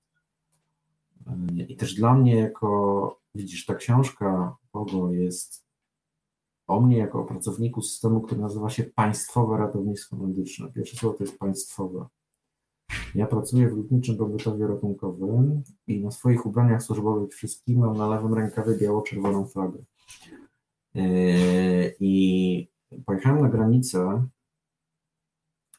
pojechaliśmy działać tam, stykaliśmy się z ludźmi, którzy noszą na swoich ubraniach taką samą biało-czerwoną flagę i pracują w służbach, które są polską Strażą Graniczną, czy polskim wojskiem, polskimi wojskami ochrony terytorialnej, czy polską policją. I traktowali nas jak intruzów. Tak? Znaczy, te dwie rzeczywistości mojej codziennej pracy zawodowej ja w gruncie rzeczy jestem funkcjonariuszem państwowym trochę, tak? Znaczy, pracując w ratownictwie medycznym, nagle jadę tam i robię to, co mi przyświeca w mojej pracy zawodowej na co dzień, a ci ludzie patrzą na mnie wrogo. No to było dla mnie bardzo dziwne, trudne i mocne doświadczenie, że, mm, że gdyby życie ułożyło się inaczej, to byśmy sobie, nie wiem, spotkali się przy jakimś wypadku i jakby wszystko było ogarnięte, to byśmy sobie zapali papierosa po tym wszystkim tak? Byśmy byli, nie wiem, kolegami i koleżankami z Grochowa czy z jakiegoś innego miejsca. No to nagle yy, funkcjonariusze państwowi w najlepszym wypadku traktują nas neutralnie, tak bym powiedział. A yy, w, w mediach, wiadomo jakich, mówi się o nas, że jesteśmy pomocnikami Łukaszenki, zdrajcami Polski, polską agenturą i tak dalej. A my mamy takie same cele, jakie mamy w tej pracy, że tam są ludzie, którzy cierpią yy, i należy im się ludzkie traktowanie. Nie należy im się, nie wiem, to, żeby każdy z nich miał prawo osiedlenia się w Polsce po prostu na wieczność i żeby opływał we wszelkie dobra, które może polskie państwo yy, zapewnić, tylko yy, żeby na przykład nie umarł na tej granicy, żeby no żeby go potraktować po ludzku. Kuba, mi się oczy zaszkliły. Z jednej strony dlatego, że opowiadasz bardzo ważne rzeczy, ale zobacz ten wpis. Kuba, jutro dzień dziecka i jesteś dla mnie wielkim darem, moje dziecko. Pozdrawiamy Supermamę, bo to dzięki Supermamie między innymi też jest możliwe to spotkanie. Bardzo dziękuję Pani Mario. Nie znamy się osobiście, ale moc dobrych myśli już tak internetowo mogę wysłać. My się znamy, także. Dość dobrze. Znamy się z Panią Marią, tak. Tak. Do, do, do, doskonale. E, słuchaj, pani Maria mnie kompletnie wybiła z rytmu, ale w takim najlepszy mhm. możliwy sposób, bo można sobie coś zaplanować, ale te ścieżki, które Państwo tutaj podrzucają, są e, najpiękniejsze, bo takie prawdziwe i poruszające. Już wiem. No to tym rodzinnym wątkiem tak naprawdę skończymy, bo zastanawiam się, Kuba, też trochę jakby wyglądała opowieść, nie wiem czy twoja żona pisze, opowieść trochę z tej drugiej strony, czyli bycie blisko kogoś, kto jest cały czas właśnie pod telefonem, którego życie jest jednak trochę zdezorganizowane przez ten deficyt snu i całą resztę. E, czy wy ze sobą rozmawiacie, czy chronisz też swoją rodzinę przed tym wszystkim, co przeżywasz? Czy, czy to jest jakiś temat właśnie rozmów, na ile to życie da się w ogóle, wiesz, e, zamknąć za drzwiami? No.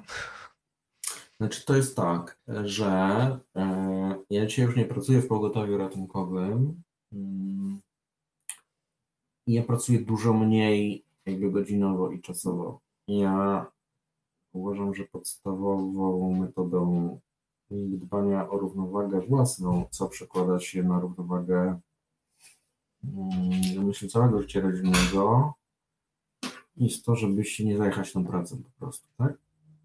Mm, I e, odkąd skończyłem szkolenie specjalizacyjne i pracuję nie 300, tylko 170 godzin w miesiącu, to jakość mojego snu, jakość mojego życia rodzinnego, jakość moich relacji przyjacielskich w ogóle wzrosła. To jest bardzo proste, ale to jest bardzo ważne.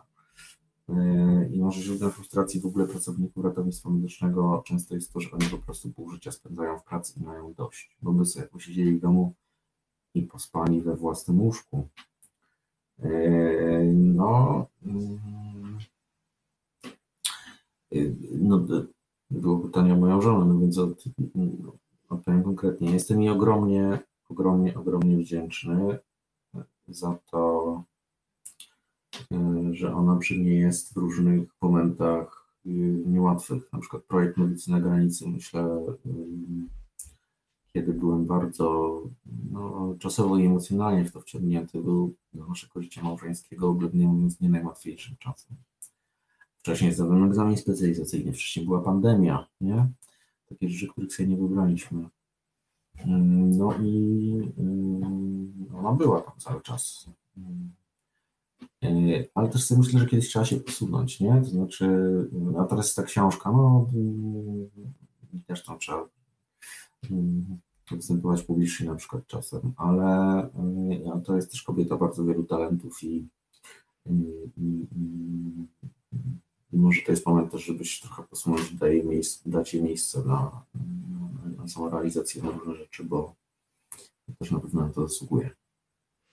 Słuchaj, to ostatnie pytanie od widzów. Jasia, a co z tymi, którym twardnieją skóry i serca, którzy tracą empatię, ludzkie podejście do pacjenta, żeby się ratować przed tym ogromem nieszczęść i nieść pożywki? Piszesz, Kuba, o takich kumplach, którzy kompletnie zmieniają też branżę. Mhm. No tak. Hmm. A czy no są, jakby pierwsze jest to, o czym pisze pani Anna, i to wszyscy myślę wiemy, E, którzy kiedykolwiek byliśmy polskimi pacjentami, że nie jest trudno spotkać wypalnego pracownika ochrony zdrowia. Naprawdę, to jest takie łatwe, jak znaleźć drzewo w lesie po prostu. E, że niestety bardzo często no jest to trudne doświadczenie pracowania z taką osobą. No i koledzy pracujący w ratownictwie, żeby się chronić przed tą samą frustracją, no myślę, że popadają często w takie wzorce takiego prostactwa, hamstwa, cynizmu. Jakby jest to, nie? Nie tego, a ja ich. Znaczy oczywiście zawsze jest pytanie, czy trzeba ich zadowolnić, czy trzeba ich zrozumieć. Ja nie wiem tego. I, I, ja nie chcę ostrzegać o winie, ja tylko po prostu no, chcę nazwać ten proces, że ja to obserwuję i tak jest. Natomiast oczywiście są też tacy, yy, to mówi nam o tym, jak, jak głupi jest ten system tak naprawdę. Są tacy, którzy na przykład po 10 latach pracy w zawodzie ratownika medycznego zmieniają zawód zupełnie, nie zajmują się ubezpieczeniami, jeżdżeniem tramwajem, czy tam, nie coś warzywniak otwiera na przykład, nie? Są takie sytuacje. Yy, I to super, bo wszyscy klienci są bezpieczni w tym warzywniaku na wypadek zakrztuszenia się truskawką, na przykład oczywiście, yy, jak ratownik medyczny prowadzi taki warzywniak, ale yy, tak mówiąc całkiem serio, to, to szkoda w ogóle tych lat doświadczeń tych ludzi. Szkoda tego, że oni tyle lat się szkolili, tyle lat zdobywali doświadczenie, a system ich po prostu zmienił, wypluł i dał im kopa w tyłek na koniec, nie? I nie było pomysłu na to, jak ich zatrzymać. Yy, I przychodzą nowi, świeży i ten cykl się powtarza. Tylko, że nowy nie ma 10 tysięcy godzin pracy w ratomisji medycznej, nie widział tego wszystkiego. Yy, I system na tym traci i pacjenci na tym tracą w końcu rzeczy. Znaczy, nie nauczysz się na żadnym kursie tego, czego się nauczysz pracując przez tyle lat, nie? E, tak jest z każdym, w ogóle w każdym zawodzie tak jest, no, że, że nie wiem, doświadczony adwokat jest lepszy niż człowieka, który trzy miesiące temu skończył studia, no, czyli możemy sobie podawać e, różne przykłady i, i szkoda tych ludzi i chciałbym, żeby system jakby najpierw zbadał i rozpoznał, gdzie jest źródło problemu i dlaczego oni odchodzą, a potem wymyślił, jak na to zareagować, bo bo to jest y, dziura, którą bardzo trudno zasypać.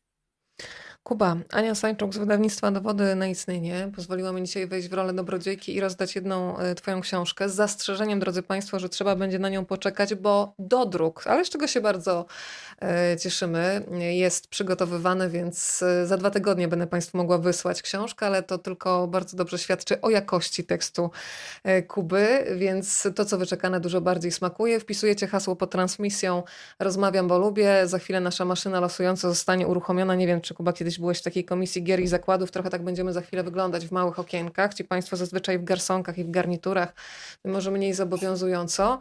E, urzekła mnie jeszcze jedna rzecz z Twojego wpisu. Państwo tutaj hashtagują, więc ja już na finał. Chociaż cały czas mówię, że już na koniec, a tutaj doktor Jakub Sieczko musi być wyspany jutro na dyżurze, więc naprawdę to będzie koniec. Urzekło mnie to, że tworzysz takie foldery e, z informacjami, o jakie kontakty trzeba zadbać i to też sobie od ciebie podkradam. No ale masz, jak wspomniałeś, dużo tabelek, to powiedz, co jest jutro w grafiku, czyli musisz się za chwilę położyć spać, żeby się wyspać, bo co jest jutro przed tobą? Mm, jutro jest mój dyżur na, czy wy prawdopodobnie polską w oddziale intensywnej terapii w jednym z warszawskich szpitali, więc zobaczymy, co się stanie. Profesor Liga mówił, że każdy dyżur to wielka medyczna przygoda, więc proszę Państwa, jest to wielka medyczna przygoda, e, co najczęściej oznacza, że jest trzecia w nocy i nie możesz spać, a o tym marzysz, no, więc e, taki dzień. To ja powiem tak, że nie życzę Państwu spotkań osobistych z doktorem Jakubem Sieczką tak w, w szpitalu, natomiast spotkania czytelnicze jak najbardziej rekomenduję, szczególnie te, podczas których możecie się spotkać i jak podczas targów książki E, zabrać e, autograf. E, no to dobra, uruchamiamy naszą maszynę losującą i zaraz zobaczymy, do kogo się los uśmiechnie i pozdrawiamy oczywiście dowody na istnienie. Przy okazji zaproszę Was też na spotkanie z Mariuszem Szczegłem. Fakty muszą zatańczyć. 6 czerwca w Empiku będziemy mieć okazję rozmawiać. Pani Kasiu, gratulujemy serdecznie. A ja jeszcze zaproszę Państwa na czwartek, 2 czerwca. Rozmowa o książce Wiktor Bater, Wesoły Rajski Ptak. Tak sam siebie określał korespondent wojenny, którego na pewno Państwo doskonale pamiętają. Naszymi gośćmi będą Izolda Kiec i Jarema Jamrożek. Spotkamy się o godzinie 20.30. E, Kuba, teraz już spokojniej śpisz? Mogę Ci życzyć po prostu dobrych snów? Tak, tak, spokojnie śpię. Jak pracowałem w ratownictwie medycznym, to miałem dużo koszmarów. E, W sensie pracowałem w pogotowiu w Warszawie, a jak odszedłem z pracy, to ich nie mam. To jeden z największych zysków, które mam z tej zmiany. Więc tak, myślę, że mam nadzieję, że dzisiaj będzie mi się dobrze spało. Nikt tak dobrze jak ratownik medyczny, lekarz nie wie, że, że sen zdecydowanie nie jest y, przereklamowany, więc spokojnej nocy życzę wszystkim. A Kuba, Tobie z całego serca dziękuję i za książkę, i za rozmowę. Wysyłam moc dobrych myśli, trzymam kciuki i uściskaj mamę ode mnie, tak osobiście, nie? żeby nie było tylko wirtualnie, dobra? Dobra, dobra, dziękuję Państwu, dobrej nocy. Dobrej nocy.